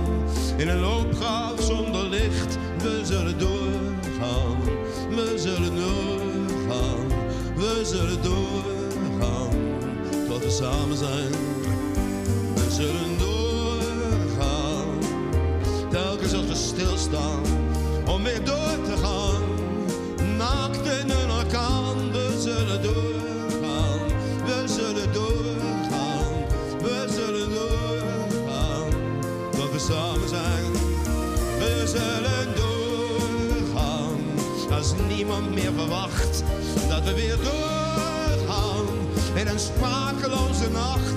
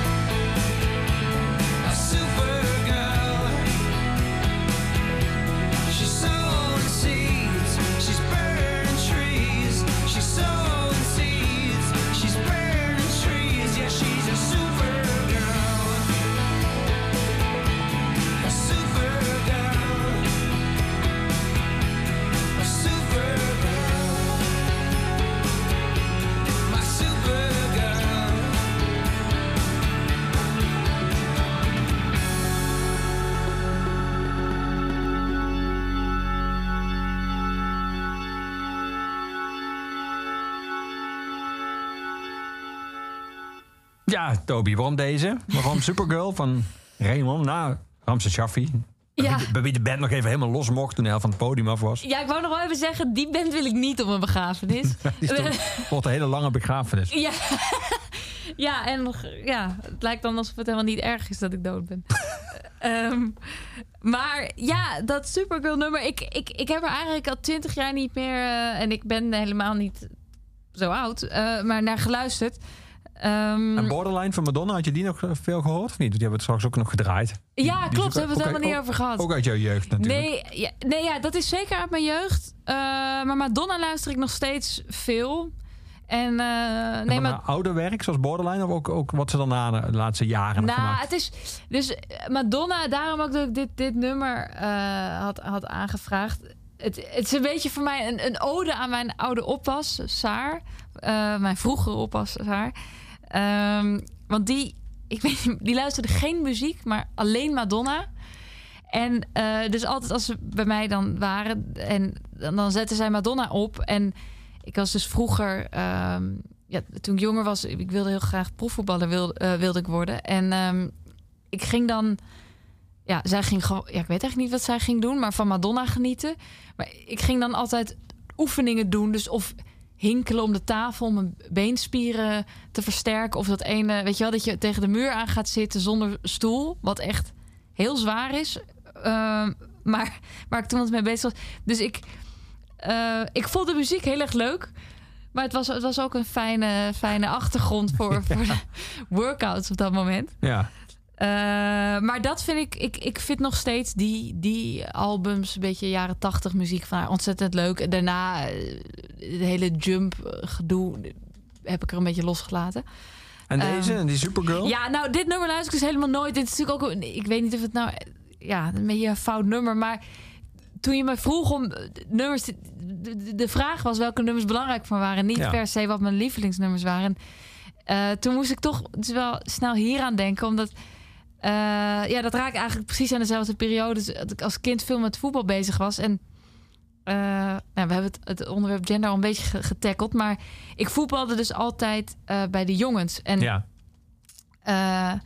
dat was toch wel vaak onderwerp van gesprek. Van überhaupt of ik een jongen of een meisje was. Want ik zag er een beetje androgyn uit, zeg maar. En als ik dan een meisje bleek te zijn, dan. Dan, dan, dan, ja, dan geloofde ze dat niet, want ik, dat, het kon niet dat ik zeg maar goed was, maar, maar eh, een vagina had of zo. Of ja, wat mensen dan ook denken. Maar ik, ik, weet niet zo goed, ik weet niet waar ik dit nummer toen ooit heb gehoord, maar In de eh, voetbalkantine. in de kantine misschien. Het is wel een kantinenummer. Eh, en ik kon natuurlijk helemaal niet echt Engels toen. Dus het was vooral Supergirl. Dat, dat, begreep, dat gedeelte begreep ik nog wel. En volgens mij ook dat ze nooit huilen. Eh, je Engels in ieder geval toen al beter dan nu je Russisch. klopt. Ehm, nee, ja, dus want ik ging het gisteren even luisteren. Dacht, het gaat over eh, allerlei dingen die totaal niet eh, van toepassing waren op, de, op mijn situatie. Maar ehm, Nou, misschien wel. Je was Supergirl van het voetbalteam.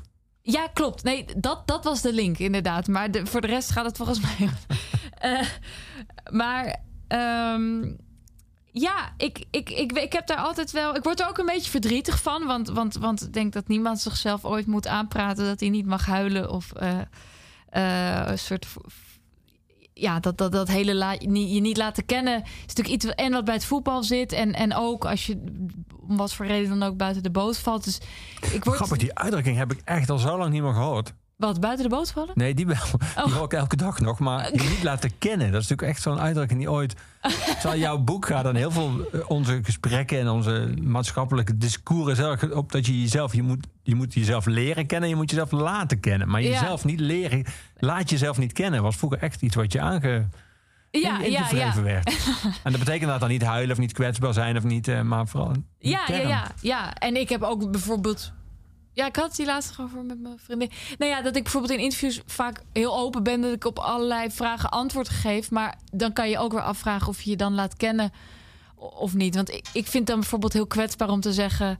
Ja, deze vraag is voor mij te intiem. Hier wil ik niet antwoord op geven. Dus dan wil ik me niet laten kennen. En daarom geef ik wel antwoord. Ja, ja. Maar, eh, ehm, maar goed, dus daar, daar, daar eh, raakt het nummer eh, Ja. voor mij aan, aan eh, eenzaamheid in een jongensvoetbalteam. En friet en cola en de kantine waarschijnlijk ook Ja. na de wedstrijd. Jij bent, daar moeten we maar gewoon hardop zeggen, je bent ontmaagd door een VVD'er. En, een Nou. en hij was ook consultant. Welke van die twee komt jou inmiddels onwaarschijnlijker over? Ehm, toch het VVD-gedeelte, denk ik. Maar ik moet dus wel zeggen dat eh, de, de man in kwestie heeft mij een ehm, bericht gestuurd op Oh. Instagram. Hij is van partij veranderd. Ja. Oh, dat was een grapje, is ook echt zo. Ja, nou, het, het- het leek überhaupt. Kan het zijn? Ja, hij, hij, hij reageerde heel sportief. Want ik, ik schrok me dus dood. Ik kreeg een foto van hem van, met zichzelf met dat boek van Leuk gekocht. Ga ik lezen. Eh, en vooral ken je me nog? Weet je nog wie ik ben? En Dacht je nou, hier staat erin, ja, ehm, dus toen heb ik hem wel kort uitgelegd. Het hele eerste hoofdstuk over hem ging.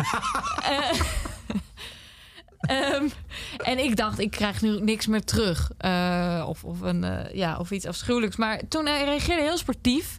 En ehm, ja, het, kon hem, het is zo lang geleden ook. Het was ook best wel een kort, korte fling, zeg maar. En... maar toen zei hij dus wel van, ik moet je wel corrigeren, want ik zit, eh, ik zit eigenlijk al vrij lang eh, bij de Partij van de Dieren. Oh, kijk. Dus daar, ik kan wat dat betreft met een beter gevoel op mijn ontmaagding terugkijken. Ja. Dus in de nieuwe druk komt er een P voor en je moet even met die V en die D schuiven. Ja. Dat, dat, eh, ja. Ja, je schrijft dat ergens dat voor jou hoeft een partner niet al te rijkelijk bedeeld te zijn met talent. Mhm. Meen je het? Eh, nou, ik denk dat stukje dat ik daar schrijf is vooral bedoeld om de persoon in kwestie te kwetsen. Eh, het, is, het is wel een grapje. Ik denk, ik denk, nou ja, maar even, ik zit even na te denken over wat mijn, eh, mijn, mijn, mijn op, oprechte antwoord is op de vraag. Ik, ehm, ja, talent, talent sowieso, denk ik altijd een beetje glibberig begrip, maar ehm, je weet natuurlijk nooit wat, welk gedeelte van iemands succes voorkomt uit, uit het talent. Maar ik denk wel dat ik het moeilijk zou vinden om met iemand te zijn die ehm, niet ernstig is met, zeg maar, ernstig bezig is met wat, wat hij of zij eh, wil. Dat lijkt Oh, me. Dus belangrijk. niet ernstig van aarde is noodzakelijkerwijs, maar in ieder geval ernstig zich toelegt op iets. Ja, Ja, ja. Eh, en dat is iets wat ik bij vrienden maakt me dat niet zoveel uit. Maar voor mij ja, is werk wel zo'n groot onderdeel van wie ik ben. Dat lijkt mij ingewikkeld om met iemand te zijn bij wie dat maar een, een kantje van het geheel is. Ja. Heb je er met alles bij? Was jij ook een ernstig eh, toegewijde pizzabakker? Ik ben nog steeds eh pizzabakker. Ehm, Herstel, ben jij een ernstig toegewijde pizzabakker? Ehm, ja en nee. Ehm, ik was gisteren nog aan het werk. Toen zei dus mijn bazin van eh, dat het dat, dat ik dus ik denk te veel na. ook over pizza's? Ja. Hm. Nou ja, althans, ja, dus ik ben er dan wel serieus mee bezig, maar het, het, pakt niet goed uit. Ik bedoel, met schrijven kan je wel er diep over nadenken en dan loont dat nog. Maar eh, Pizza moet intuïtiever benaderd ja, worden. ja, ja, dus mijn ernst met rondom pizza's is, niet, is eigenlijk niet zo handig. Ehm, ja, eh, ben, nee, dus, dus ehm, en, en ik moet ook zeggen dat ik, ik ga, deze zomer is mijn laatste. Dan eh, heb ik twee jaar daar gewerkt, maar ik ga toch stoppen. Dus eh, Er komt een afscheidspizza. ja, ja, En, en ja, dus als ik, als ik een 100% ernstige pizzabakker was geweest, was ik ook niet gestopt. Maar, dus het, ja. Ja. maar toch net iets ernstiger met het, met het schrijven. Ben je al bezig met die volgende? Met het volgende? Nee. ehm, Dat verhaal, dat voetbalverhaal, is dat de, het fundament voor die volgende? Of is dat... Zeker, ja. Ja, of, dat, of dat verhaal echt het fundament is, maar dat. eh, ehm, ja, ik, ik weet wel vrij zeker dat, eh, dat dat in ieder geval het volgende thema is. Maar de afgelopen maanden waren zo eh, onstuimig dat ik nog niet zo goed me daarop kon richten. Eh, ik heb toch wel, eh, ik ben be- ja, een beetje monomaan in dat opzicht. Ik wel nodig heb dat er niet heel veel anders omheen is. Dus eh, ik denk eigenlijk dat het pas ehm, 2022, eh, Ja. als ik nu kijk naar, dat ik ook nog wat dingen heb in het resterende. Ja, Even wachten tot de reur... Ja, op zich, die reuring moet je ook van genieten, toch? Dat is de, dat, Klopt. Dat is de, dat is de beloning van het boek. ja, ja. ja. Dat mensen er iets over willen weten en dat je erover kan praten. En dat het... Ja, ja, ja, ja. En, en, en ik denk toch dat dat. eh, nou, er zijn mensen die dat allemaal tegelijk kunnen, maar voor mij neemt dat toch wel best wat ruimte in. Oh, ik geloof de Hannessen met. eh, ehm, het neemt wel, wel, wel veel, veel ruimte in. Dus dat. ehm, ja. En de schrijvers die ik goed vind, die hebben vaak maar vier boeken geschreven of zo. Dus wat dat betreft heb ik ook, voel ik weinig haast om er direct een. eh, En toen gingen ze dood, bedoel je? eh, Gewoon echt, überhaupt ze- maar vier totaal. Ja, nee, maar ze, hadden meer, ze zijn niet per se vroeg gestorven, maar gewoon lage productiviteit. Dus Ja, ja. ja. Nou, dan eh, hoef je er nog maar drie. Ja, Ja. Wat is je eigen lievelingspizza trouwens? Ehm, nou, eh, je hebt bij ons, ik werk bij, dit is ook gewoon een keten door het land eigenlijk, de, piz- de pizzabakkers. Daar werk ik en daar heb je een pizza. Zijn wij die- heel goed. Ja, ja, dankjewel. Ja, ja, soms, soms. Ik heb, eh, zeg maar, Saskia Ketting in het boek, maar is een goede vriend van mij, die is Italiaans, dus die doet dat een beetje uh, Oh ja. laatdunkend daarover, weet je wel. Maar ik ben blij de altijd. Italiaan legt die lat ook wel heel hoog Ja, natuurlijk. Of, ja. of misschien eh, legt die lat heel specifiek. Die moet in Italië liggen. Ja, Ja. precies. Maar ik ben altijd blij als mensen iets positiefs erover zeggen. Maar ehm, daar heb je een pizza, die heet de Danoi. En dat is dus, eh, de meeste pizza's zijn of met tomatensaus of zonder saus. Maar dit is een pizza met een andere saus, namelijk beetje met oranje saus. Er zit rode peper doorheen en eh kookroom. En nou ja, die is wat scherper. Eh, en er zit andouja op, wat eigenlijk niet... Ik, ik neem vaak dan de vegetarische, die is zonder andouja, maar met champignons. Ehm, en voor de rest, ja, ik weet dat het alleen de Engelse worden, maar pickled onions. Nou ja. En, ehm, en, en, en peterselie. Ja, nou, de- ik vind dat altijd wel een funky pizza. Ja. Jullie, mag ik nu nog zeggen, jullie daar bij de pizzabakkers hebben ook een pizza met, volgens mij met chocola, toch? Als toetje, een soort zoete pizza. Klopt, de calzone. Ja, ja, ja. ja die was er even uit eh, met, de, met de de lockdown. Omdat die gewoon niet zo handig vervoerd wordt. maar ehm, die is er weer, ja.